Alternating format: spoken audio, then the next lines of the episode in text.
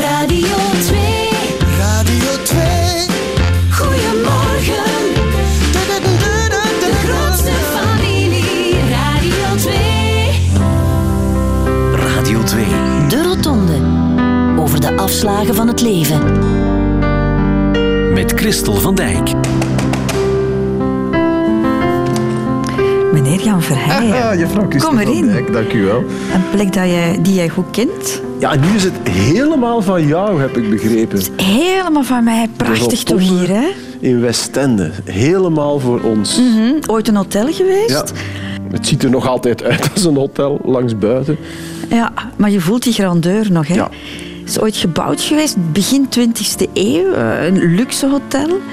En ik vind dat je dat nog altijd voelt. En Ja. kijk eens, hey, prachtig geweldig uitzicht op de zicht, zee. Als je van Oostende naar hier komt gereden, is het ook echt, ja, domineert eh, op een bepaald moment. Het is het eerste wat je ziet als je hier dan binnenrijdt. Veel Geweldige dichter bij de zee kan je niet Nee. zitten, hè? Nee, We zitten gewoon met onze voeten in het water, bij wijze van zo spreken. goed hè. als. Ja. Ik zal jou een kamer laten zien. Zal ik mijn spullen al meedoen? Neem die ineens. Heb jij veel mee? Eh, nee, eigenlijk. Ja, ik heb eh, een paar dingen bij elkaar gegrabbeld. En een werktas. Meen je Ja, dat? je weet maar nooit, denk ik. Een werktas, Jan. Stel nu dat er onverwacht een geweldige storm losbreekt. en we raken hier geïsoleerd.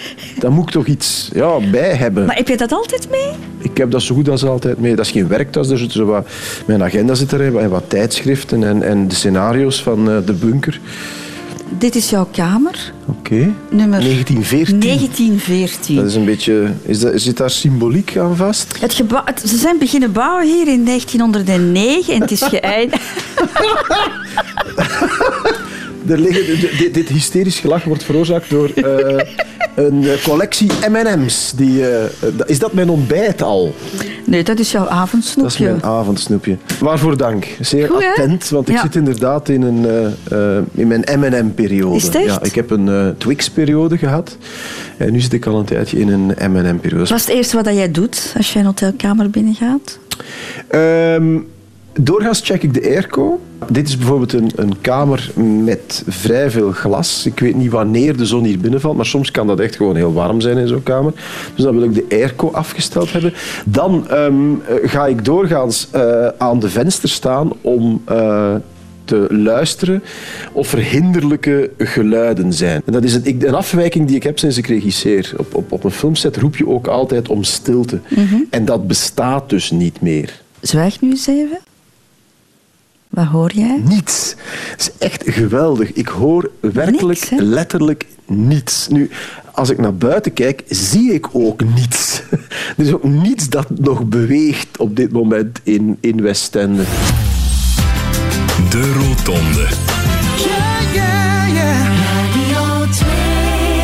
Zet je. Dank u wel. Je bent mijn eerste gast, Jan. Ja. Ik dacht, dat is vrij makkelijk. Eh, ik weet al wat jij graag wil eten. Ja, Eh, een stukje gerookte zalm. Ik weet ook dat ik niet moet aankomen met frivole thees voor jou. Nee, gewone gewone thees.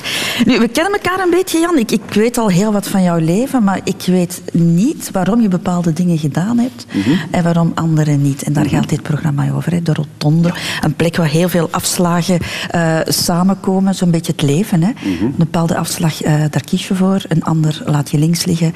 En een derde had je misschien wel beter genomen en heb je niet gedaan. Dus wij gaan vanochtend jouw wegenkaart eens even bekijken. Maar om te beginnen dacht ik, eh, jouw Wikipedia-pagina. Elk bekend persoon heeft een Wikipedia-pagina.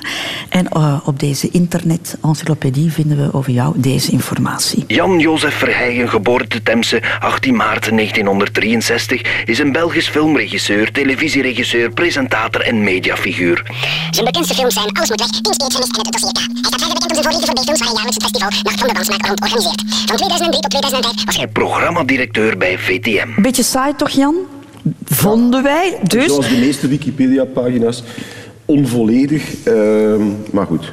Dus wij dachten, laat ons een beetje meer pit insteken. We hebben onze eigen Wikipedia-pagina voor jou gemaakt. Jan-Jozef Verheijen werd geboren te Temse op 18 maart 1963.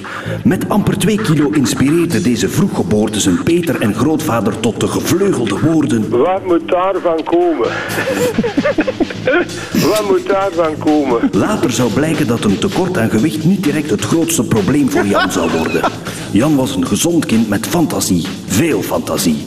Samen met zijn broer Raf speelde hij filmscènes na op de zolder. Dat waren heel, hele grote verhalen, soms een, ja, vooral veel spektakel, want hij was nog wel sensatiegericht. Jan zocht de verhalen ook op, al van kleins af aan. Dat zit in de geburen gebeurde. Bro, je reed een ambulance voorbij.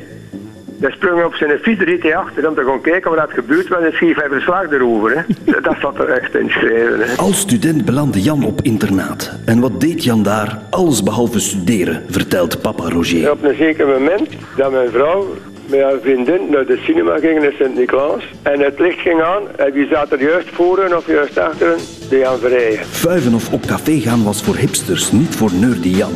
Hij droeg de kleren die mama hem gaf en zijn kapsel getuigde ook niet bepaald van enige vorm van rebellie of overdreven interesse in de mode. De regisseur, schrijver en recensent was geboren. En zoals vele mannen met een uitzonderlijk talent had Jan ook een uitzonderlijk talent om dingen totaal niet te kunnen, zoals koken. Ja, de oven, daar zaten nog de boekjes in, in, in plastic zo. Dus die was nog niet gebruikt. En het koffiezetapparaat, dat was ook nog helemaal ingepakt eigenlijk. zei Francesca van Tiele ooit. Gelukkig vinden sommige van deze mannen dan de juiste vrouw en zo geschiedde.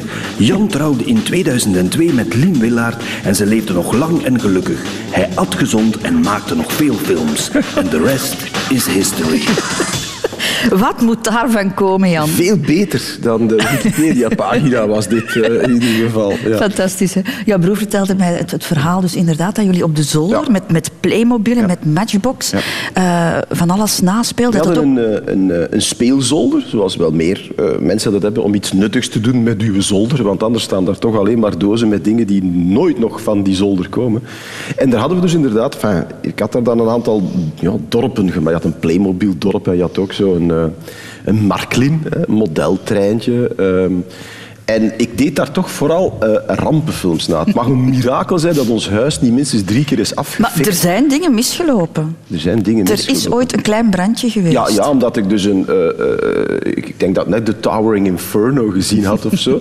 dus ik wou ook... En ik had brandweerwagentjes. Maar ja, om die brandweerwagentjes realistisch te laten uitdrukken, moest er wel een brand zijn. Ik denk dat ik zo een klein tentje, zo, een, een modeltentje, dat daar naast de spoorlijn stond. Dat was in brand gevlogen, Christel. Gebeurt. Een ongeluk met een comfortje of zo. Dus de brandweer moest dan uitdrukken. Alleen ehm, ging ook de linoleum eh, die, waarmee de zoldervloer was bekleed, die ging ook aan het eh, lekken eerder dan, dan branden. Dus er was een serieus gat in eh, de linoleum. Ik weet nog dat mijn ouders daar niet mee konden lachen. Ik heb ook trouwens ooit...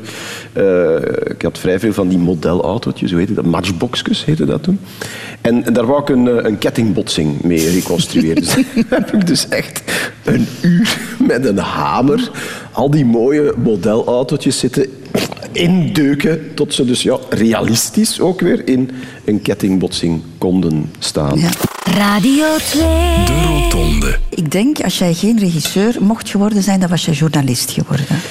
Het was in ieder geval iets met de pen geweest. Ik, Maar het zat er al van jongs af in, want Ja. je, je vader vertelde, Ja. je ging de ambulance achterna en dan Ja. schreef je daar iets En dan over. schreef ik effect, dan deed ik En- alsof ik journalist was en dan schreef ik daar een verslag. Ook in de lagere school, dat, dat is heel raar. Ehm, in het vijfde of in het zesde eh, leerjaar ehm, moest je dan, denk één keer per trimester of zo, een opstel schrijven. En daar zag iedereen geweldig tegenop. En, en, en mijn, eh, mijn eh, collega's die schreven dan zo groot mogelijk. En ik leefde dan epistels in van 15 bladzijden en zo, met heel de verhalen. Ik deed dat heel graag. Maar je had ook ambitie, hè? want ook je vader vertelde mij weer dat je in de lagere school al bij een plaatselijk krantje was gaan solliciteren om filmrecensies te mogen schrijven. Dat is mijn, mijn vader. eh, zijn, zijn geheugen is iets wat eh, vertekend. Dat was niet een, dat zou redelijk Lagere school, 12 jaar, maar je in de dat- nee, nee, nee, nee, nee, nee. Dat was, dat was in, de, in, de, in de humaniora. Dat was, ik denk, in het tweede. Ik was 15. Maar dat weet toch? ik.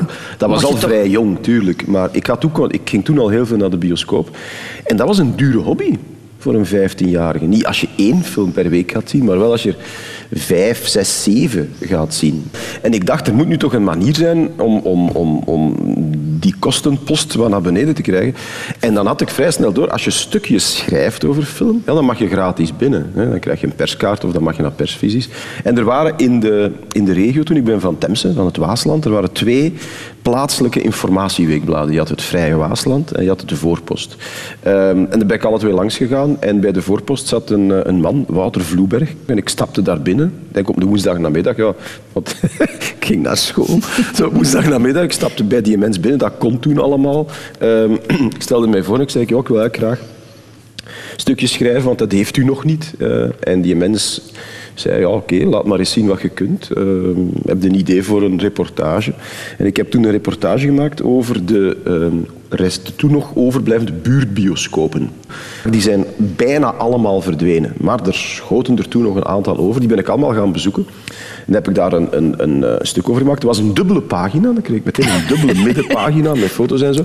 En vanaf dan schreef ik dus wekelijks een, een stukje over film. En hoefde ik niet meer te betalen om naar de bioscoop Hoewel te je gaan. alleszins nog niet alle films mocht bekijken als 15-jarige. Dus Ja, maar ook daar had ik natuurlijk eh, trucjes voor. En doordat ik, eh, niets is toevallig, doordat ik die zeer warme reportage had gemaakt over die buurtbioscopen, zagen die mensen mij graag komen. Dus die knepen dan wel een oogje dicht als ik daar dan stond hé, om naar Ilsa, de wolvin van de SS, te gaan kijken. Dan zei oh, die jongen heeft zo'n schoon stuk over ons geschreven. Ga maar binnen, manneke. Dus ik heb dat allemaal gezien. En met alle gevolgen van die, ik ben daar ook nooit helemaal van hersteld. Maar dus dat schrijven, dat zat er altijd in. En dan kwam je ja, in de filmzaal, hè, waar je dan toch heel veel van je tijd doorbracht, kwam je wel eens ehm, die andere bekende regisseur tegen, die even zot was van films als jij.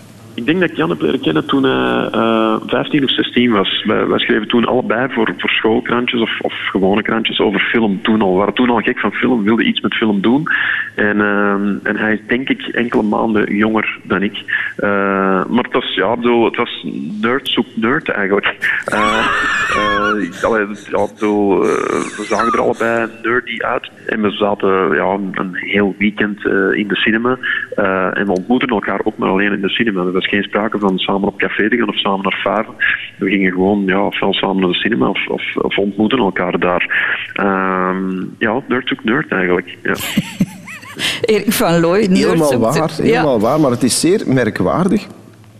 Ehm, ik denk dat we nu begin jaren tachtig zijn, eh, zijn aanbeland. Ehm, ik schreef dus inderdaad voor, voor, voor de voorpost. En hij schreef, ik weet al niet meer voor wat, voor, voor- ook voor een aantal van die obscure publicaties.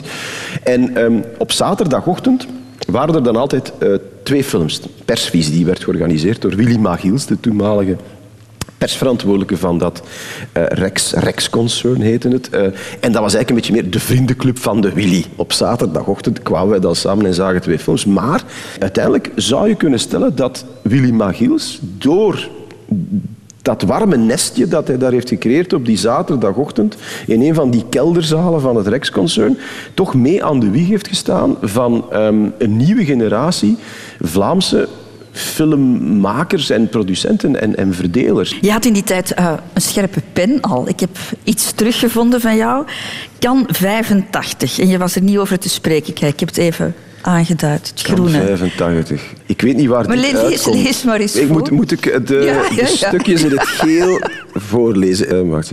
Zo was de editie 85 ronduit zwak, terwijl dat ook al kon gezegd worden van de editie 84 en, als ik me goed herinner, de edities 82 en 83.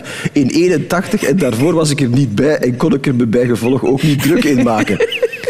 Ja, eh, en dan, eh, ja, de festivalbezoeker moet dan minimum 15 eh, andere competitiefilms verwerken, waaronder ieder jaar weer die drie Fransen die men beleefdheidshalve geen deelneming kon weigeren, de obligate Rus, en minstens één Europese productie geregisseerd door een verbannen Pool-Turk of een ander vlot in de markt liggend dissidententype.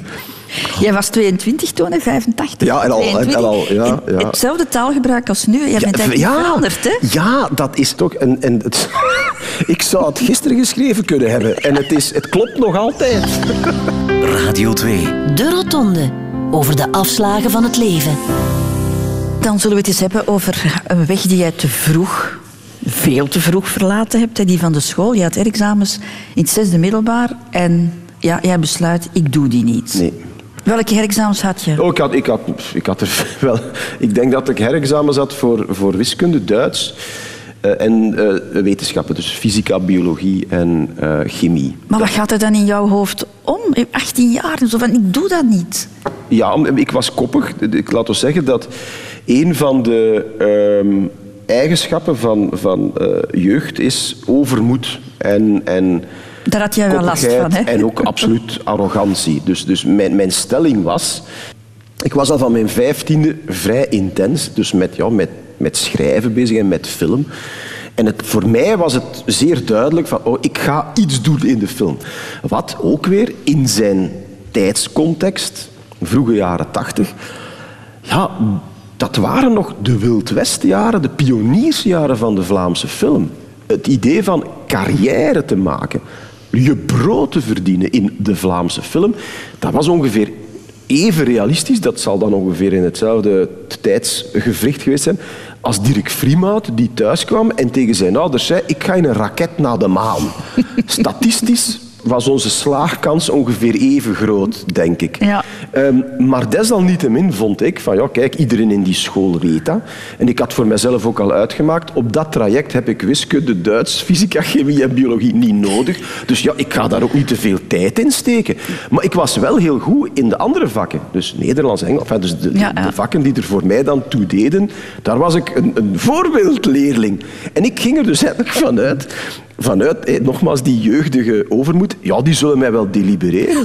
Die, die Voor vijf, zes vakken. Die zullen mij wel delibereren. Dat is naïef bijna. Ja, maar goed, naïef is ook. eh, Dat heb ik ook altijd gekoesterd. Een deel van mijn, ik verkies nog altijd, Christel, naïviteit boven cynisme. Ik vecht heel hard tegen het, het in mij opborrelende cynisme en ik probeer dat percentage naïviteit te koesteren. dus maar- zeker ook toen. En, ehm, en ik heb toen gezegd van, ik doe het niet. Maar ik zou met zo'n nieuws niet thuis durven komen Ja, eh, mijn ouders hebben mij een paar keer ja, gevolgd, terwijl ik eerlijk waar niet zou weten, als ik in hun plaats was geweest, of ik dat had gedaan. Maar hoe is dat gegaan? Is dat gepaard gegaan met slaande deuren? Nee, dat, is een, dat was een heel merkwaardig moment. Ik weet nog dat ik, ik heb heel weinig moet. Mijn geheugen ehm, het heeft vertoont heel veel gaten, maar dat herinner ik me nog relatief eh, goed, omdat het ook ja, een kantelmoment was. Ehm, dat ik binnenkwam, ik had daar wel wat over nagedacht. Ik heb toen zelfs een afscheidsbrief geschreven aan de school. Om duidelijk te maken waarom ik die herexamens niet deed en waarom ik vond dat zij fouten waren. En dan ik dat gekopieerd op 50 exemplaren en was ik in de leraarskamer in alle bakjes gaan leggen. Om u maar een idee te geven. Dus, eh, dus ik had daar dus wel dik over nagedacht. En eh, dus ik, ik kwam de woonkamer binnen en ik zette de televisie uit. Dat is zo code in Vlaanderen voor er is iets heel ergs gebeurd, want hij zet een tv af. Dus, ehm, en ik zei van ja, ma, pa, ik moet jullie iets vertellen. En mijn moeder die zei, oh, heb je vriendin zwanger gemaakt? ik zeg, nee, nee, nee. Ik denk niet dat ik een vriendin had trouwens, maar bon. Eh, en toen zei ik van, ja, kijk, dat is de situatie. En ik weet wat ik wil doen. En ik wil die herexamens niet doen. En dan is er een stilte gevallen. En dan hebben ze elkaar aangekeken. En ik vermoed dat er dan misschien nog wel een paar zinnen zijn gezegd, maar er is geen discussie ontstaan. En mijn vader eh, heeft dan gewoon gevraagd, ja, en wat zei je dan van plan? en toen, ik had ook niet echt een plan natuurlijk, maar ik zei, nee, kijk, geef mij een paar jaar om, om mijn weg te zoeken. En als dat niet lukt, dan eh, zien we wel. Eh, Maar je bent dan nog een paar jaar thuis blijven ja, tuurlijk. Ik wonen had, ik ook had nog. ja, ik had, ik had, en je ik had moest geen- financieel Ik ondersteund had geen worden. inkomen. Doe, op- op- dat, je doet nu precies alsof dat uitzonderlijk is als 18-jarige dat je nog thuis blijft wonen. Dat lijkt Maar ja, maar je deed niet. niks, hè? Je ging Ik niet naar ja, school. ik eh, ja, ik deed, ik, deed, ik deed niets dat iets opbracht, bedoel je. Ja. Om te besluiten, mocht je het opnieuw doen, zouden we die herexamens dan toch maar doen? Dat is een zeer pertinente vraag. En ik moet daar toch een dubbel antwoord op geven. Wetende hoe het afgelopen is, absoluut zou ik ze niet opnieuw doen. Radio 2. Zeg wel dat net over, eh, over jouw eh, school, hè, het middelbaar onderwijs, ehm, dat je niet afgemaakt hebt. Nee. Eh, enfin, heel, heel jouw schoolperiode was een beetje een, een moeilijke bevalling. Hè? Op internaat gestuurd, Ja. om, om, omdat je, va- je vader zag het niet meer zitten, dacht ik. Hè? Mijn vader, ik was, ik was in de lagere school ja, een, een heel goede leerling, maar zonder dat ik daar veel inspanningen voor moest doen. Dat was het probleem. Eh, toen ik in, dan in die humaniora terechtkwam, dacht ik, ja, dat zal ook wel vanzelf gaan. Dus ik had geen studiediscipline, zeg maar. Ik was ook heel snel afgeleid. Ik vond eigenlijk alles stof. eh, behalve wat er dan in de lessen gebeurde. Ehm, dus dat was een hobbelig parcours. Ehm, ik kijk daar met, een, met gemengde gevoelens op terug. Maar anderzijds genoot ik wel van, hoe zal ik het zeggen, die schoolomgeving. Je bent je er op dat moment niet van bewust, maar je leert hoe een groep in elkaar zit, hoe zo'n klas zich zet. Wat zijn, wie zijn de leiders? Wat zijn de, dus dat vond ik, zonder dat ook weer bewust misschien te hebben meegemaakt, maar daar Wie zijn de leiders? mee. Was jij daarbij? Het is te zeggen, ik- was ja, een, redelijk nerdy. Ik was eigenlijk alleen maar bezig met, met film. Ik was niet bezig met sport, ik was niet bezig met muziek. Ik ging niet uit in, in het weekend, dus ik was een beetje de vreemde eend in de bijt. Maar ehm, ik kon wel opkomen voor mijzelf en voor de groep. Dus ik was bijna altijd klasverantwoordelijke. Er werd dan een klasverantwoordelijke gekozen en die moest dan indien nodig bemiddelen tussen de klas en, en de leraar. En zo. Dat was ik altijd. Dus in die zin had ik het voordeel dat ik wel het vertrouwen genoot van de groep. Terwijl ik anderzijds bij, bij sport bijvoorbeeld was ik... eh, ook trouwens iets waarvan ik alleen maar kan hopen dat het nu niet meer zo is. Maar in, in de lessen sport, turnen, werd de groep altijd verdeeld. Eh, dus de, de, de, de, de leraar koos dan de twee haantjes. En die mochten dan één voor één iemand kiezen om in hun team te komen. Wat eigenlijk heel vernederend is. Hè, want dan worden eerst de, ja, de, de, de, de meest geslaagde Ariërs eruit gehaald en dan bleven zo de kneusjes over. En er was gelukkig één beetje dikkig jongetje dat, nog, dat als allerlaatste werd gekozen. En ik was meestal de voorlaatste. Want ik, ik, ik Maar vond je dat erg? Vond ik dat erg? Ehm, als ik dat niet had kunnen compenseren door, door ehm, dat klasverantwoordelijk te zijn en weten dat je wel redelijk goed in de groep ligt, denk ik wel dat ik dat erg had gevonden, ja. Maar jij kon wel heel veel gedaan krijgen. Dat is ook een beetje de rode draad in jouw leven, vind ik. Dat je alles wat naar je hand kan zetten. Je hebt dat bijvoorbeeld ook je eerste film gemaakt. Wat film is misschien een groot, eh, een Of groot toch een woord. poging tot. Dat was in, eh, ik denk het vierde of het, het, ik vermoed het voorlaatste jaar van de humaniora. Ik weet begot ook al niet meer waar het idee vandaan kwam, maar we hadden al dat, dat klaskrantje, of schoolkrantje, en wilden ook een schoolfilm maken. Ehm, dat ding heette De Terugkeer van de Sheik, omdat er geen sheik in voorkwam, die dus ook niet terugkwam. Maar dat was heel zwaar beïnvloed door de absurde humor van Monty Python. Ik had Monty Python ontdekt. Hè. Toen op zondagavond zat dat op de VPRO. En in de bioscoop had je toen eh, een sketchfilm, The Kentucky Fried Movie. Een van de eerste films van John Landis. En dat vond ik, gewel- die heb ik acht keer gezien in het jaar dat die uitkwam. Dat vond ik geweldig. En De Terugkeer van de Sheik was daarop geïnspireerd. En dat is dus gemaakt, dus op, op Super 8 gedraaid. Met dan eh, in de cast leerlingen, maar ook leraars Ja, en van dat die was, zo, school. dat was zo, zo, zo Ja. straf, want zelfs de directeur, de directeur van de school nu, verbaast zich daarover.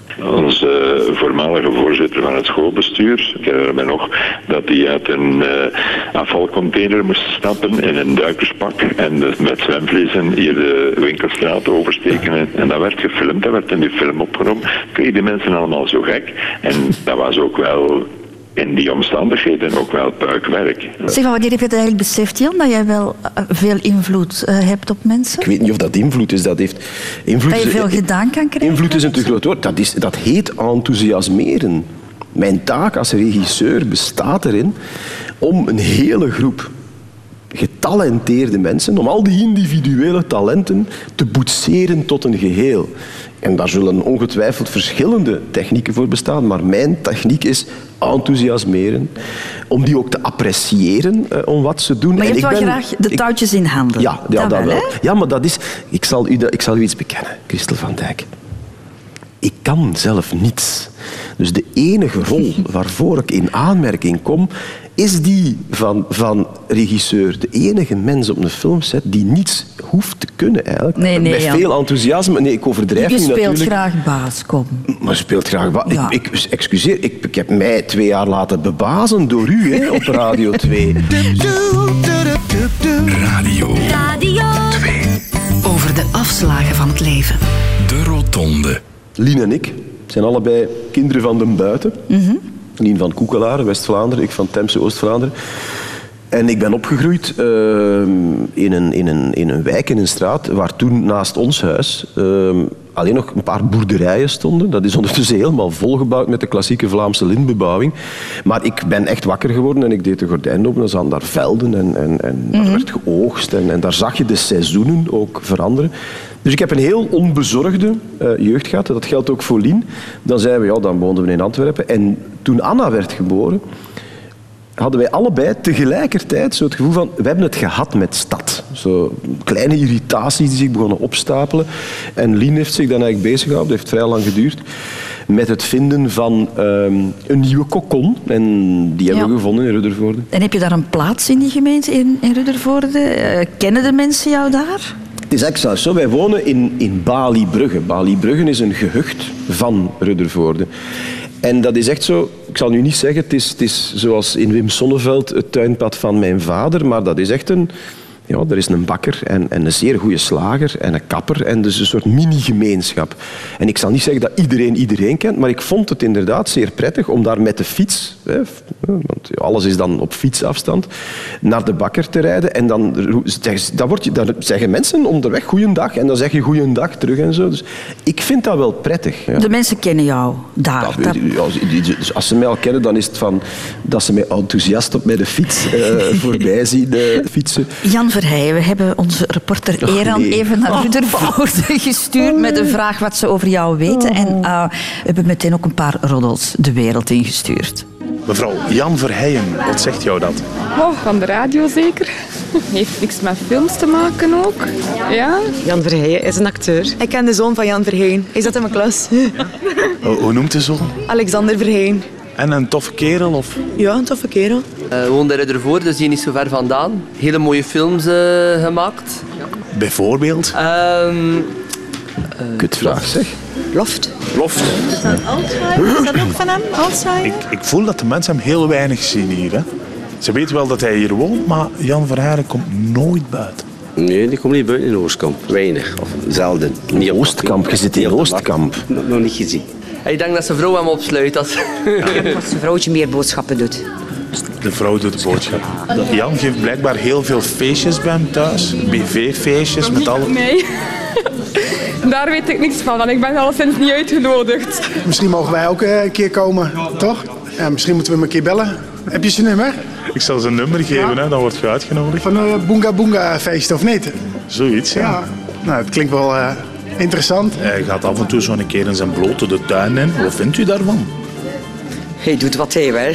Als hij dat leuk vindt, waarom niet? Is dat een lokale gewoonte? Nee, toch niet. Nee. Dat is meer Jan Verheijen. Jan, ja, Jan. Dat is Jan. Typisch Jan. Zo kennen jullie hem hier ook. Ja, toch wel. Ja. Typisch Jan Verheijen is een blote rondloop. op de die mens stond in het verkeerde dorp. Hè. Die stond in Oostkamp. Bali-Bruggen is een gehucht van Ruddervoort. En Ruddervoort is een deelgemeente van Oostkamp. Maar Oostkamp Centrum, daar kom ik inderdaad nooit. En ehm, om toch een aantal... eh, het, is, het is onvoorstelbaar hoe jullie erin geslaagd zijn om op minder dan een minuut geweldig veel misverstanden ehm, te institutionaliseren. Ik doe wel degelijk de boodschappen. Ik zal u meer zeggen. In de plaatselijke supermarkt sta ik bekend onder de bijnaam de Witte Tornado. Omdat ik dus, in tegenstelling tot de gemiddelde eh, supermarktbezoeker, ongelooflijk efficiënt... Lien heeft het eens getimed. Op minder dan 15 minuten dus van thuis, hè? Dus thuis vertrekken, naar de supermarkt rijden, boodschappen doen, afrekenen en terug thuis minder dan 15 minuten. Eh, wat betreft mijn eh, naakt in de tuin wandelen, dat klopt. Eh, omdat ja, die tuin is ook voldoende Meen je dat? Ja, ja, ja, ja. We hebben een, eh, een zwemvijver en wij, wij zwemmen graag naakt. Allee, en ik dacht zo het meest blote dat we ooit van Jan zullen te zien krijgen, dat is Jan in short. Ja, jij wel. Maar, ja, maar- maar, dus, het gaat erom van wij in privé, dat, is, dat, is, dat is privé. Ik vind dat heel prettig, niet gehinderd door textiel aan mijn lijf als een dolfijn door het water glijden. Of, nee, maar zo, dus ja, ik kan u dat geweldig aanbevelen, Christel van Dijk. Naakt zwemmen, dat is heel, eh, dat is heel fijn. Doe daar niet moeilijk eh, over. De grootste familie. Radio 2. Ik heb tot hiertoe het gevoel dat dat allemaal goed gekomen is, dat je tevreden bent met alle beslissingen die je ooit genomen hebt. Maar blijft dat zo? Ehm, we praten daarover in gezelschap, want er staat iemand voor de deur. Jij mag, als je wil, open gaan doen. Oké. Ik ben altijd. Dit zijn dus van die spannende momenten. Die jij niet ik- graag ik, hebt. Nee, want ik ben doorgaans nogal een beetje controlefreak. En als ik niet weet wie er nu voor die deur staat, en je hoopt dan maar dat het iemand is waarvan je blij bent dat hij er is. En welke deur is het? De, de, de hoofddeur van de rotonde. En staat die mens daar al lang, vraag ik me dan ook weer af. Oh. Mark Punt. Mark Punt. Ja, een van de belangrijkste mensen in mijn leven.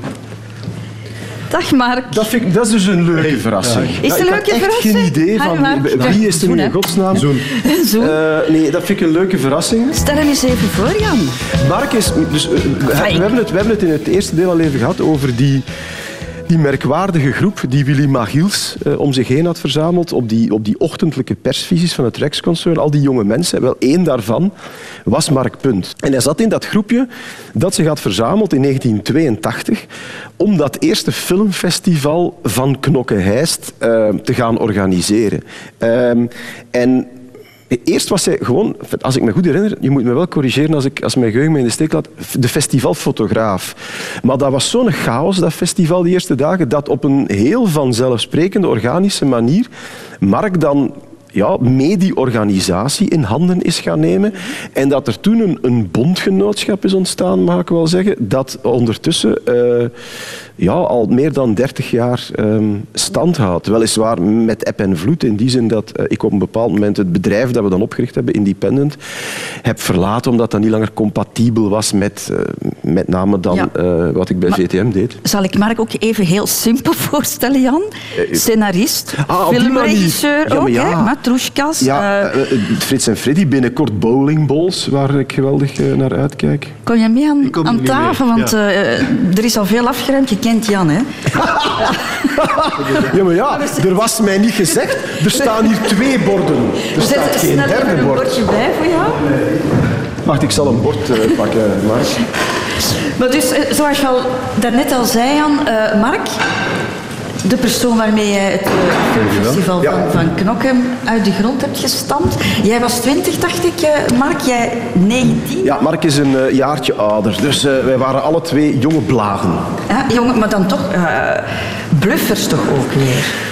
Want Ja. dat eerste filmfestival, Dennis Hopper, hebben jullie toen eh, naar daar Maar niet alleen Dennis Hopper, Dennis Hopper, Robert Altman was daar toen, Paul Verhoeven, Susanna York, Sam Raimi, de latere regisseurs van, van de Spider-Man-films. Vergeet ik. Roger Corman. Roger Corman, dus dat, dat, dat had wel een, een, een indrukwekkende eh, gastenlijst. En, en als je daar nu op terugblikt, ik denk dat dat misschien wel ons allergekste avontuur was. Omdat wij toen, laten we het voorbeeld van Dennis Hopper nemen. Als je Dennis Hopper wil uitnodigen, dan ga je via zijn agency. Via al die mensen hebben een agent of een, eh, een persvertegenwoordiger. Maar ja, wisten wij veel. Dus onze tactiek was veel primitiever, maar zo bleek achteraf toch ook wel redelijk efficiënt. Wij gingen naar andere festivals, waarvan we wisten dat die mensen waren. En mijn taak was dan om die letterlijk te achtervolgen. Tot die alleen waren in de gang van hun hotel. En dan sloop ik achter hen aan. Ik tikte op hun schouder en ik zei... Hi, I'm Jan Verheijen. Would you like to come to the Nocky Heist Film Festival next year? En laten we zeggen, driekwart van de mensen liep gillend weg en belde security vanuit zijn kamer. Maar dan waren er toch net voldoende mensen die daar dermate gecharmeerd van waren...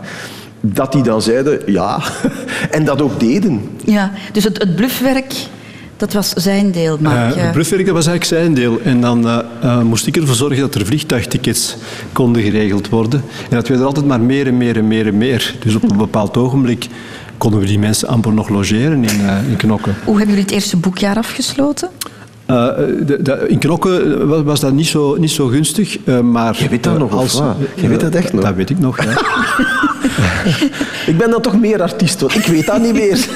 Nee, nee, knokken, knokken was dus zo, was, er was, er was een diepe put toen, maar, maar die hebben we dus echt helemaal teruggevuld met het organiseren van allerlei nachten. Night of the Demons, eh, nachten van de erotiek. Hè. Toen, Ook nog? Dat bestond ook allemaal nog. Dat, was, dat, dat had ik al alweer verdrongen. Maar... Eh, zijn we heel het land rondgetrokken met dat soort eh, nachten dus. Ehm, dus dat is allemaal in orde gekomen. Maar, eh, en als distributeur zijn we dan begonnen met, met, met, met kleinere films die eh, niemand anders wou. Ehm, en, en, en, en onze doorbraak, zeg maar, hebben we dan gehad met Stop Making Sense. eh, de, de Talking Heads film, waarvan alle distributeurs dachten dat het een, eh, een horrorfilm was. Eh, Talking Heads, zombies. Ja. En die heeft het goed gedaan en dan, en dan van die film is het dan beginnen rollen. Hoe, hoe zou jij Jan omschrijven in die tijd? In, eh, in, toen Ja. hij 18 was. Eh, ik ben curieus. Eh, al- als, een, als een bestormer, eh, als iemand die heel enthousiast was, maar, maar daardoor ook eh, iedereen kon eh, enthousiasmeren. Eh, iemand die ook wel roekeloos eh, was. Niet altijd, Roekeloos? Met- Daarmee bedoel ik niet altijd de gevolgen zag van zijn eh, enthousiasme. Ehm, maar net dat heeft veel deuren geopend. Mhm. Had jij tijd voor familie, voor liefdesleven in die periode, Jan? Ik was een laadbloeier, hè, maar dat had meer te maken met het feit dat toen scholen nog uh, geschreven... Ik zat op een jongensinternaat, dus vrouwen, dat waren voor ons... Alle meisjes, dat, ja, dat, we wisten dat dat bestond. We zagen dat wel eens in de straten en zo, en in boekjes.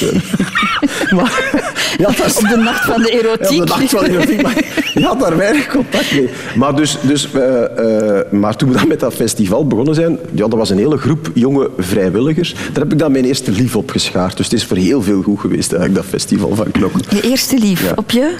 Ja, ik was toen 17, 18, zoiets. Ja. Ja. Allee, dat valt nog mee. Ik dacht dat het later zou gaan. merci. Oké, tof. Zullen we hier afronden dan? Ja, Het was toen nog niet de dolfijn van Ruddervoorde. Radio 2. De Rotonde. Van geluk alleen wordt de mens niet groot, denk ik dan. Dus we sturen jou nu even naar Hollywood. waar jij de film The Little Dead eh, mag gaan draaien.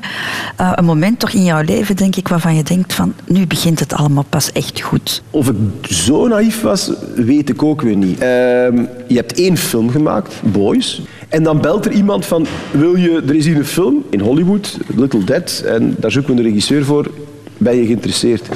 Kijk, Christel, als men mij had gebeld op dat moment om Police Academy 7 te komen doen, had ik dat ook gedaan. Maar het viel daar tegen. Het daar viel- wil ik het ja, over dat is, hebben. dat is een understatement. Het viel daar geweldig tegen. Ja. De mensen?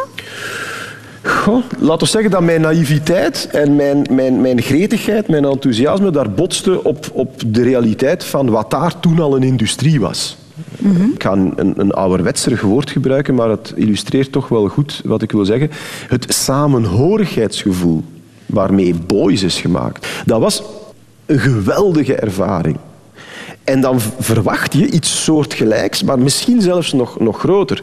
En dan kom je op een set terecht waar de meeste mensen rondliepen met het idee van oké, het is een paying job, maar die echt geen enkele binding hadden met wat je daar probeerde te maken. Ah, ik zou denken, Jan Verheijen komt daar terecht in, in een wereld eh, met mensen zoals hij zelf. Gedreven, ge- gepassioneerd. Nee, eh, nee. nee, nu vooral duidelijkheid, ik ben ook niet zo onnozel dat ik denk dat The Little Dead per se representatief moet zijn voor filmmaken in Hollywood. Alleen denk ik wel dat filmmaken in, in, in Hollywood, als je daar niet als regisseur dan op de A-lijst staat, dat het geweldig moeilijk is. Omdat je als regisseur altijd minder zwaar weegt dan de sterren. Films worden op een paar uitzonderingen na niet verkocht, tussen aanhalingstekens, op de regisseur, maar op, op de cast. En daar is die cast zich zeer van bewust. En het entourage van die, van die cast ook. Dus je speelt daar toch altijd een beetje tweede viool. Ehm, en was je daar eenzaam, Jan? ik was daar, ja, tuurlijk. Ik was, ik was daar ook letterlijk alleen. Ik zat op een appartementhotel in, eh, in West Hollywood. En ehm, de, de cameraman was wel mee. Maar verder ja, straalde dat allemaal een geweldige onverschilligheid uit. En van een deel van de cast ronduit niet zozeer vijandigheid. Ik denk dat die tegen andere regisseurs even klootzakkerig waren als, als, als tegen mij. Maar zo echt van die de klassieke horrorverhalen. Hè. Dus je, je, je- je bereidt de scène voor. Dat doe je met stand-ins. Want die zitten in hun trailer te wachten tot ze naar de set worden gehaald. En je komt dan op de set en dan zeg je, ja kijk, komt langs daar binnen, zij zit dan daar. En dan zo rondkijken en zeggen, ik denk niet dat ik langs daar ga binnenkomen. ik denk toch dat ik langs daar ga binnenkomen. Echt zo van die, van die scènes die je herkent uit, uit boeken en verhalen over Hollywood, maar waarvan je denkt, dit gaat mij nooit overkomen. Inclusief een scène die en dat is dan een soort out-of-body experience. Je, je zweeft dan eigenlijk boven die scène en je slaat gade hoe je daar dan in zo'n ondergrondse parkeergarage, na een visie van de film, met een van die producenten in een, in een echt een shouting match terechtkomt. Van nee, we gaan dat zo doen. Nee, we gaan dat zo doen. En waarop die mens dan plotseling op luid volume roept het cliché aller clichés. You'll never work in this town again. Zo, dat je denkt van, allee ja, kom aan, dat is gewoon niet tof. En ik, ik functioneer ook niet in dat soort omstandigheden. De enige reden dat ik die film heb afgemaakt is, ja, iedereen weet natuurlijk dat je daarmee bezig bent. Dus je wilt dan niet met je staart tussen je benen terugkomen om te, en te zeggen van, ja, het is niet gelukt. Nee, je, je, je bijt door. Dus daar heb ik dan wel geleerd van, ja, ik wil dat hier afmaken. Ik wil op zijn minst iets afleveren dat je, dat je aan elkaar krijgt en, en dat, dat op een film lijkt. Mhm. Had je contact met, uh, met Jan-Mark Punt toen? af en toe, uh, maar Skypen en zo, dat bestond nog niet en, en, en, en e-mail eigenlijk ook nog niet. Dus we belden af en toe wel eens. Maar had jij verwacht dat hij daar zo eenzaam zou zijn? Uh, nee, ik wist, ik wist eigenlijk helemaal niet wat ik moest verwachten. Maar hij is wel anders teruggekomen. Uh, er is een andere Jan teruggekomen uit, uit, uit Hollywood dan degene die vertrokken is. Degene die vertrokken is was heel zelfverzekerd en, uh, en, en, en, en, en eigenwijs en eigenzinnig. En degene die is teruggekomen was eigenlijk een stuk, oh, ik ga een verschrikkelijk woord gebruiken, gelouterd door die ervaring. Is dat zo? Ja, maar kijk, andere mensen moeten met een rugzak een jaar door India trekken om, om, te, gelaterd te worden. Bij mij heeft dat dus, was het op zes maanden al geregeld. Uh, ja, dat is, dat is, Mark heeft daar absoluut gelijk. Maar achteraf, en nu, wordt het, nu dreigt het toch een heel klein beetje melig te worden, dus hou dat in het oog, uh, Christel van Dijk. Um, achteraf heb ik dan moeten toegeven dat dat jaar wel een sleuteljaar is geweest. Dat... Um, ik het gevoel heb dat, uh, wat Mark dan die latering noemt, dat ik teruggekomen ben als een mildere mens. Dat de scherpe kantjes, nogmaals, die nodig waren om onze voet tussen de deur te krijgen, dat die scherpe kantjes er wat zijn afgeveild. Dat ik draaglijker ben geworden voor mijn omgeving. En heb je dan de dingen daarna anders aangepakt? Ja, maar, ja en nee. Het is, het is niet dat... Het, ander mens is misschien overdreven, maar ja, ik heb, ik heb wel het gevoel dat, uh, wat ik al zei, een zekere mildheid. En vooral bij mij, ik was wel genezen Gesteld dat die er al was, hè, van het idee van ik ga Hollywood en vervolgens de wereld en dan de omliggende zonnestelsels veroveren, dat is bijgeschroefd. Ik ben eigenlijk, de vergelijking die ik vaak heb gemaakt, is dat ik ben, ik ben teruggekomen met het idee van eigenlijk hè, is het veel fijner om een grote vis te zijn in een kleine vijver dan een kleine vis in een grote vijver. Jan, mag ik in jouw plaats besluiten de episode Hollywood, uh, als we jou verhaal zouden herschrijven, we nemen het erin op. Dat is, een, dat is dubbel. Als, uh, ik, ik, ook hier geldt weer in, in hindsight, hè, dus met, met de, de ervaring die er ondertussen is, denk ik dat het een noodzakelijk deel, stukje van de puzzel is. We zitten hier op een geweldig fijne manier te ontbijten, Jan Verheijen. Allang te als ik, uh, als ik smak, mag je het zeggen. Dat is mijn afdeling, blijkbaar. Ja. Met zicht op de oneindige zee hier. Waar kijk jij thuis op uit, als je door het raam kijkt? Uh, de, uh, een, op dit moment een, een, veld met hoog opgeschoten maïs. Mm -hmm. Dus ik zit echt op de buiten. Dus in mijn bureau kijk ik nu echt op een muur van maïs. Een beetje zoals Mel Gibson in Science. Um, en uh, vanuit het huis kijken we over de mais en dan kijken we eigenlijk tot een stuk voorbij de E403, de autostrade tussen, tussen Brugge en Kortrijk. Dus het is, het is wel echt wel landelijk. Ja, maar nu je hier bent, Jan, je laat het thuisfront achter. Hè? Anna, Eline ja. zitten nu helemaal alleen ja, thuis. Helemaal wegkwijnend Hè? van Ja, verdriet. absoluut. eh, omwille van, ja, tuurlijk. Ja. Ja, onze Jan, onze, Onze Jan is er Jan, hè, het zonnetje in huis. We hebben daar een oplossing voor gevonden, ook Ja. voor de volgende weken. Mhm. Eh, we hebben een babysit eh, ingehuurd. Ehm, Voor mijn vrouw komt, en mijn dochter. Ja, hij komt op ooghoogte van Anna, denk ik. De kleinste stand-up comedian van Vlaanderen, William Boeva. Ah, ik, Ja, wel ik vind bekend, William geweldig. Ja, Echt geestige gast. niet altijd een cadeau in huis, denk ik. Is het waar? Oei. Kan jij mij eens vertellen wat dat, juist is, zo een regisseur? Ah, Wel, hij eh, zorgt dat alles goed verloopt op de set. Is dat En, en hoe moet je dat dan juist doen? Eh, in een regisseurstoel zitten en zeggen wat de anderen moeten doen. heeft jouw papa hier ook... Ik heb gehoord dat hij heel veel dvd's heeft. ja, de dvd's, hij heeft dat zo alfabetisch gezet. En om dat uit elkaar te houden, staan daar dan knuffeltjes tussen. Heb je al eens zo stiekem een paar van die dvd's van plaats verwisseld? Nee, Waarom niet? omdat ik niet, aan de meeste dvd's niet aan kan. Oh, je kan er niet aan. Hoe, hoe komt dat? Omdat die zo hoog staan. Ah ja, dat probleem ken ik. zou hij boos worden dan, denk je, als je die dvd's zo van plek zou verwisselen? Ja, ik denk het wel. We hadden een nieuwe poetsvrouw en die dacht om, om goed te doen en die had alle dvd's gewoon per kleur gezet in plaats van ja, de kleuren van de kaften in plaats van dat het alfabetisch stond. Dat was wel mooi, maar dat was niet zo'n goed idee. Die kruisvrouw, is die er nog altijd? Of? Nee, nee, nee. Zeg, en, en zijn er nog dingen waar dat je papa boos van wordt? Als iemand anders de vaatwas vult. Wie moet er dan de vaatwas vullen? Papa? En, en zijn er nog zo klusjes in het huishouden dat dat doet? De vuilzakken buiten zetten, naar de glascontainer gaan. En dat is het. En eitjes maken zonder. Ja, Oh, kan hij, kan hij lekker koken ook? alleen eitjes.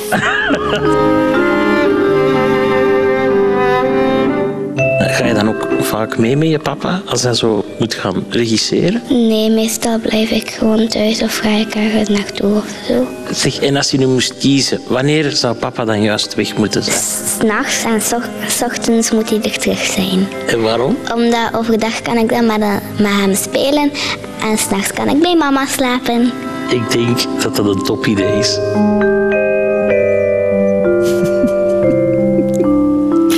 Suggereerde William Boeva nu net dat het met mijn vrouw slapen een topidee is? Of bedoelt hij dat er een soort van waakhond in jouw bed ligt? Eh, als nee, jij er nee. niet bent. Want dat is waar, ze slaapt graag bij, bij mama. Dus ze vindt het... Wat ook wel oké is, omdat ja, als ik aan het draaien ben, zit ik vaak op hotel, dan ben ik, dan ben ik er niet s'nachts. Maar dat vindt ze eigenlijk oké, omdat ze dan bij mama kan slapen. Ze vindt het dan wel vervelend als ik er 's morgens niet ben. Maar dat maakt het afwezig zijn toch wel eh, een stuk draaglijker, blijkbaar. Ja. Doe nog eens de, de beweging die je maakte toen Lien vertelde over de poetsvrouw die jouw dvd's herschikt Ja, had. het Zo. idee, het idee, je hebt dan zo... dat- En dat zijn er dus heel veel, hè. Dus ik... ik Met zijn vinger zo tegen zijn hoofd. Ja, van, ik kwam, ik, kwam, ik kwam thuis en ik, ik, ik, had een bepaalde film nodig. En ja, je weet ongeveer van daar, daar begint de C. En je, ja, die staat daar niet. En je, ziet van, je hebt het niet direct door. En dan heb je door van dat iemand de moeite heeft gedaan, op zich wel ontroerend, om al die dvd's te herschikken volgens kleur. Allee ja, bedoel, wie, hoe bedenkt... enfin, dus dat heeft echt heeft mij een halve dag gekost om dat dus terug eh, Ja, maar hoe- alfabetisch te zetten. Hoe gestructureerd ben jij? Maar allee, Christen, dat is niet- je, met laat je laat dat nu uitschijnen alsof dat half autistisch is. Maar als je veel... Hoe, hoe zou jij dat dan doen? Je dvd's rangschikken? dat niet. Of boeken. Je hebt toch, bij boeken staan ook zo per categorie. Je hebt dan Vlaamse auteurs en die staan alfabetisch binnen Vlaamse auteurs. En heb je Engel, allee, dus dat staat allemaal, daar zit een systeem in, anders vind je toch niks terug. Ik zet het eerder esthetisch. Nou ja, bon succes hè, als je dat niet moet vinden, maar ik denk dat ik rapper zal zijn. En die vaatwas, ja, dat is mijn... Daar ben ik, er zijn niet zo zot veel dingen waar ik echt goed in ben. Maar gesteld dat er een wereldkampioenschap vaatwasvullen zou bestaan, ik zou heel graag namens ons land deelnemen. Vaatwas vullen, dat is gewoon de borden in die machine laden. Ja, niet alleen de borden. Dat ook kan jij goed. Dat kan, ik kan zeer goed zo'n machine vullen op maximale capaciteit. Dat is geweldig. Ja, het is, het is een gave. Maar bestaan er trucjes voor? Ja, dat is een beetje inzicht, hè. ruimtelijk inzicht. Ruimtelijk inzicht, ja, ik denk, vind dat eigenlijk ook wel op een of andere bizarre manier ja, rustgevend. De vaatwas vullen. En dat mag niemand anders. Als ik thuis ben, dat irriteert mij dat er iemand anders... Poetsvrouw waarschijnlijk ook, dat dat rustgevend was. Maar Oh, nee. het is toch wel dicht in elkaars buurt zitten, hoor. Radio 2. Over de afslagen van het leven. De Rotonde. Je hebt gekozen om te trouwen. Dat is trouwens een, een, een ceremonie die we zelf hebben georganiseerd. We zijn niet voor de kerk getrouwd, we zijn wel voor de wet getrouwd. En dan hebben we verder eh, zelf iets ja, in elkaar gestoken. En dat was heel mooi, dat was romantisch, dat was ontroerend. Ik ben sowieso geweldig snel ontroerd, maar ik vond dat een heel ontroerend eh, moment. Ja. Mhm. En je hebt haar gevraagd. Op een romantische manier. Daar, ja, daar bestaat een beetje discussie over. We waren op eh, vakantie in Hurghada in, in Egypte, waar ik consequent naar verwijs als de hel van Hurghada. We zaten in zo'n, zo'n hotel waar overal lawaai was. Het zwembad was er dan... En dat is het aller, aller, allerergste. Er speelde niet alleen muziek, maar die geluidsinstallatie was slecht afgesteld. Dus die muziek zat er zo net iets naast. Ik werd daar echt horendul van. En we zijn zo dan, dan zijn we verhuisd naar het strand, daar stond ook muziek. Enfin, en hel, je kunt het u niet voorstellen. En zo na drie, vier dagen dacht ik, weet je wat, ik vraag haar ten huwelijk, dan hebben we er toch iets aan gehad. Aan die vakantie. Dus, maar, maar ik ben wel zo op de knieën gaan, enfin, op één knie en zo. Dus, ehm, En je wou dat echt? ik wou, ik wou dat echt. Ja, ik heb echt, ik heb echt voor, eh, voor Lien gekozen en, en zij voor mij. Dus, eh, mm, ja. en, en ik weet dat het ook allemaal weer naïef is en zo, maar ik denk echt dat zij het, het dekseltje is dat op mijn potje past. Of omgekeerd, maakt mij niet uit. En, en, en dan is, is Anna erbij gekomen en wij zijn nu zo ja, de kokon. En ik schaam mij daar ook totaal niet voor om mij daar eh, in te outen. Dat is voor mij heel belangrijk. Je zegt het al, eh, Anna, hè, die is er dan gekomen. Hoewel in jouw oorspronkelijke plan had jij geen kinderen Nee, dat, was, dat stond niet in het oorspronkelijke. Daar ben ik afgeweken van het oorspronkelijke masterplan. Maar daar wil ik mee, want dat is nu, dat is eigenlijk gewoon not done om dat te zeggen. Maar ik vind kinderen doorgaans niet leuk. ik vind kinderen, ja, dat is gewoon, en zeker in, in groepen van groter dan twee. dus dat was een risico. Hè. Stel je nu voor, je- je kiest dan voor een kind. Enfin, Lien heeft gekozen voor een kind en heeft gezegd van kijk, eh, ik wil... Dat was trouwens de voorwaarde, hè, daar in de hel van Hurghada. Eh, Ik zei, wil je met mij trouwen? En zij zei, ja, maar ik wil een kind. Daar heb ik zo over genegocieerd, eh, maar dat bleek, ja, bleek geen doorkomen aan. Dus Een vrouw dat een kind wil, dat is iets raar, hè? dat is iets raar. Dat is een soort force of nature. Daar kan je niet, dat is iets zoals een orkaan. Daar kan je niet mee onderhandelen. Ehm, dus een paar jaar later ehm, was Anna er dan. En we hebben, we hebben ook geluk. Allee, Anna is een... Nu, nu zal elke papa dat wel zeggen van zijn zoon of dochter. Maar Anna is oprecht een, een, heel fijn kind. Dat is een leuk kind. Die heeft eh, gelukkig ehm, alle goede eigenschappen van Lien. En die zijn talrijk geërfd.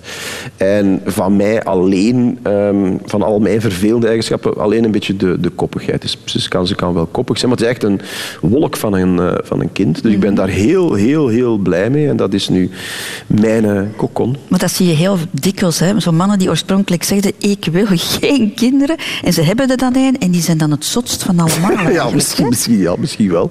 Ik, was daar bang voor, hè, om allerlei redenen Had trouwens. je schrik dat je dat kind niet graag ging zien? Och, ik had van veel dingen schrik. Ik, ten eerste was ik... Ja, ik wou het nog wel eens zien, in hoeverre het mijn fijne leven zou gaan veranderen. Dus daar had ik schrik van. Maar dat was dan bot egoïsme. Hè. Dat, ook niet, dat, is dan, dat is vanuit een egoïsme. En ten tweede, ja, de verantwoordelijkheid, Christel. Je bent daar wel verantwoordelijk voor. En dat houdt ook niet op. Het is niet als die 15 is dat dat Nee, ophoudt. nee. Het is ook niet als die 25 is dat dat ophoudt. Zelfs niet als hij 50 is. Je, je neemt, je neemt die, die... En ik vind dat een verpletterende verantwoordelijkheid. Ik, ik, ik, dat is voor mij het moeilijkste van vaderschap. Daar, daarmee een evenwicht vinden tussen dat gevoel van verantwoordelijkheid en, en geen overbezorgde vader zijn. En mij nu al beginnen voorbereiden zo van... Ja, dat je die vroeg of laat zult moeten Ja, ja, loslaten. jong, dat die, gaat, die gaan een jongen tegenkomen. Ah, die nee, gaat, daar- oh, Christel, die gaat ontmaagd worden. Ah, allee! Wat, doe, allee, wat zei jij nu? Dat is toch... Maar dat is toch gewoon... Horror? In bad taste. Allee! Ja, nee, bon. Is het nu Allee, dat je gespeeld? dat of- zo gewoon is, is dit nu gespeeld of mee? Nu, ik vind dat verschrikkelijk. Het idee van... Allee, je, ik, ja, je weet, hoe, je, weet uit eigen ervaring, je weet hoe jongens zijn. Allee, je, en je weet, je weet alles... Dat is zo... Je weet alles wat... Je kunt heel veel dingen voorspellen van wat ze gaan meemaken. Je weet dat ze gekwetst gaat worden. Je weet dat er teleurstellingen zullen zijn. Dus dat is een element waar ik geweldig mee zat. Nog altijd. Daar ben ik ook nog altijd niet uit, om eerlijk te zijn. Maar al de rest... Stof. Mark Punt, had jij in Jan ooit een family man gezien? Eh, ja en nee. Ik, ik zag wel eh, hoe Jan omging met zijn, eh, met zijn ouders en met zijn, met zijn, zijn broer en met zijn zus. Dus ik, eh, ik zag wel dat die familie en, en dat gezin voor hem belangrijk was. Maar eh, het zelf stichten van zo'n gezin heeft hij wel uitgesteld een tijdje. Dus eh, dan wist ik het even niet meer. Maar, maar ik ben niet verbaasd Mhm. dat hij nu zo'n family man is geworden. Goed, Mark, ik vond het heel fijn dat je tot bij ons gekomen bent. Ik hoop dat je er ook een Plezier. beetje van eh, genoten hebt. Hè, van het ontbijt, van het zicht op de zee. En voor jou was het ook fijn, denk ik. Hè? Hoewel jullie zien elkaar nog wel regelmatig. Ja, dus... ja, ja, ja, absoluut. Maar het is nog niet tenminste fijn om een beetje... Ik vond het ook grappig en wel mooi om... eh, Uiteindelijk zitten we nu over vroeger te, te praten. En dat is op zich... Je mag je daar niet in, in, in wentelen, maar op zich is dat toch wel... Oké, dankjewel Mark. Graag gedaan. Dikke kus nog. Gaan we even naar buiten? We gaan, zoals dat heet, eh, eh, als mensen aan de zee zitten en zich de stenen uit de dijk vervelen, we gaan even uitwaaien. Doe jij je schoenen uit, Jan? Nee, ik doe mijn schoenen niet uit. Is... Nee, ik ben zo geen... Een, eh, Geen strandman? Oh, ben een zeemens wel, maar niet noodzakelijk een strandmens. Nee, Dat is zand is er te veel. Dat zand, ja, ik, ik heb dat, ja, dat zand, dat is ook... Ik, wel zee, hè. dus wij, wij eh, Lien en, en Anna en ik, wij doen heel graag cruises. Dus zo op, op een eh, zo citytrips, maar dan aan boord van een schip. Dat vinden wij sinds een ja, jaar of vier, doen wij dat eigenlijk veel. En dat vinden wij echt geweldig. Ik vind dat de manier om te reizen. Zeg Jan, we hebben nu eigenlijk eh, vooral teruggeblikt hè, op, op Mhm. jouw leven. Even vooruit kijken nu. Het beste moet nog Het komen. beste moet... Ah, nee. Laat ons zeggen, we hebben nog een goede 30 jaar. Hè? Laat ons daarvan uitgaan. Laat ons optimistisch zijn, ja. En wat nog in die 30 jaar? Goh, het- het- als ik mezelf zo punten zou moeten geven op, op, op geluk, ja, dan zou dat eigenlijk een heel hoge score zijn. Dus wat mij betreft echt meer van hetzelfde. Dus als ik, films kan blijven maken en zo'n beetje wat, wat televisie als hobby en radio, de media. Oh, televisie vind ik fijn. Ja, maar niet, niet, niet noodzakelijk met een eigen programma of zo, maar ik vind televisie een fascinerend medium. Dus, dus eh, ik wil zeker ook meer eh, schrijven. Ehm, ik, wil, ja, ik wil meer van hetzelfde. Ik wil meer van hetzelfde en zo lang mogelijk, wat mij betreft. Nu, in die 30 jaar, Jan, hè, we zijn ongeveer even oud, onze ouders ook. Eh, mijn ouders leven ook, die van jou ook Mhm. Nog. Wij gaan wel zorg moeten dragen voor onze ouders. Wij gaan zorg moeten dragen en wij gaan afscheid moeten nemen. En dat is iets wat ik nog niet eerder heb meegemaakt, uiteraard. Dus ik, ik- daar, dat, ja, dat wordt moeilijk, vermoed ik. Maar dat is dan, ja, en het spijt me voor het cliché, dat is ja, de, de, de, de cyclus van, van het leven. Ehm, ik ben nu de 50 voorbij, net amper. Ik heb daar op zich ehm, weinig of, of geen problemen mee. Ik ben nog niet in de fase van ehm, dat ik een rusthuis eh, aan het zoeken ben of dat ik mij zorgen ga maken over de aftakeling die zich op een bepaald moment onherroepelijk zal, zal inzetten. Daar ben ik nog niet mee bezig. Daar is het nu te vroeg voor. Maar je zit wel aan je ouders bijvoorbeeld. Hè? Want het, het gaat niet zo goed met jouw moeder op dit ogenblik, Jan. Nee, mijn, mijn, mijn, eh, allebei mijn ouders leven nog. Die zijn nu een stuk in de, in de 70. En ehm, dat is het moment, van in het geval van mijn moeder, ja, waarvan je voelt. Het gaat niet meer zo goed. Het is niet meer de, de kwieke eh, vrouw die ze, die ze een, een tijdje geleden nog wel was. En dat is een, als, als zoon en ook voor mijn broer en voor, voor mijn zus, dat zijn natuurlijk. Dat is lastig. Dat is lastig omdat je natuurlijk de herinnering wil houden aan die, die toffe, levenslustige, zorgzame mama die zij altijd is geweest. Zij is ook eh, na de geboorte van mijn zus thuisgebleven. Zij was huismoeder. Zij was er altijd voor ons. Ehm, dus dat, dat warm nest, dat, dat, u, dat uw parcours mee bepaalt ook. Hè. Dat is een afslag waar je ook niet zelf voor kiest. Maar ja, dat is het geluk dat je dan hebt om in zo'n warm nest te vallen. Ehm, dus ja, dat is een herinnering die, die, die, die, die je koestert. En die, ehm, ja, die, dat, is nu, dat is nu anders. Dat is ontegensprekelijk anders. Dat is best lastig ook voor mijn vader. Mijn zus woont vlakbij, dus die, die gaat vaak langs. Eh, maar mijn, het feit dat ik een afwezige zoon ben, weegt nu, denk ik, zwaarder dan, dan vroeger. Voor jezelf of voor hen? Voor allebei. Mm, En, en voor mezelf, dat is eigenlijk, als ik dat is flauwekul, dan moet je gewoon meer langs gaan. Dat, is, dat, is, dat heb je uiteindelijk zelf in de hand. En dat probeer ik ook echt wel te doen, maar ehm, ja, dat is gewoon niet altijd, niet altijd evident. Dat is, denk ik, dat, dat is trouwens, we hadden het net over, over Anna en zo. Ook dat projecteer ik al hè, op dat kind. Van, van, dat er een moment komt ja, dat je niet meer de papa bent die je nu bent, maar dat je een oude mens zult zijn.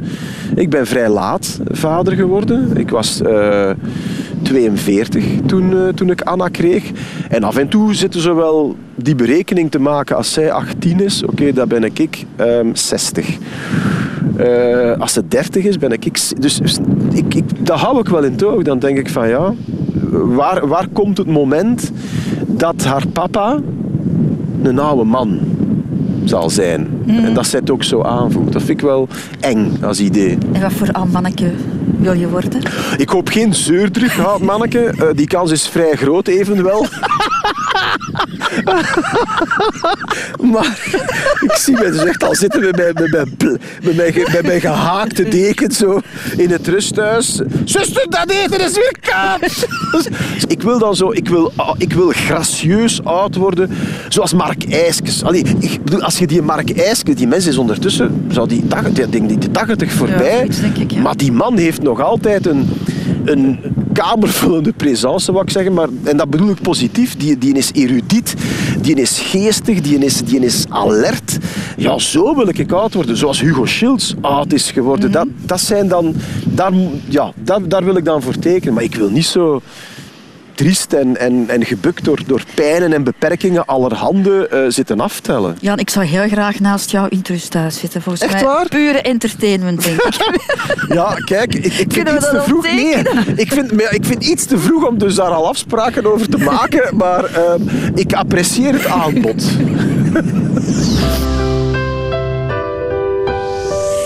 Jan, heel hartelijk bedankt. Ik vond het heel fijn. Dankjewel voor je verhalen, voor je openhartigheid, voor je enthousiasme.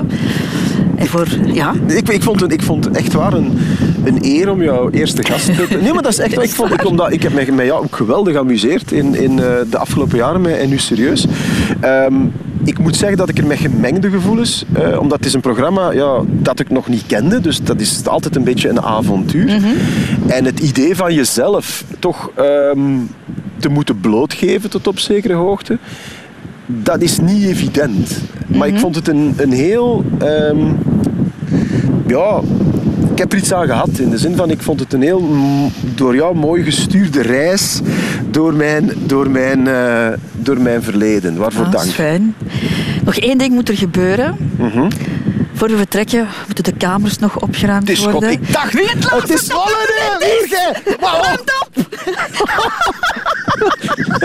Smeerlappen. ik zal toch eerst zijn, dus ik ga, ga het, ik zal het vlaggen hebben. Radio 2.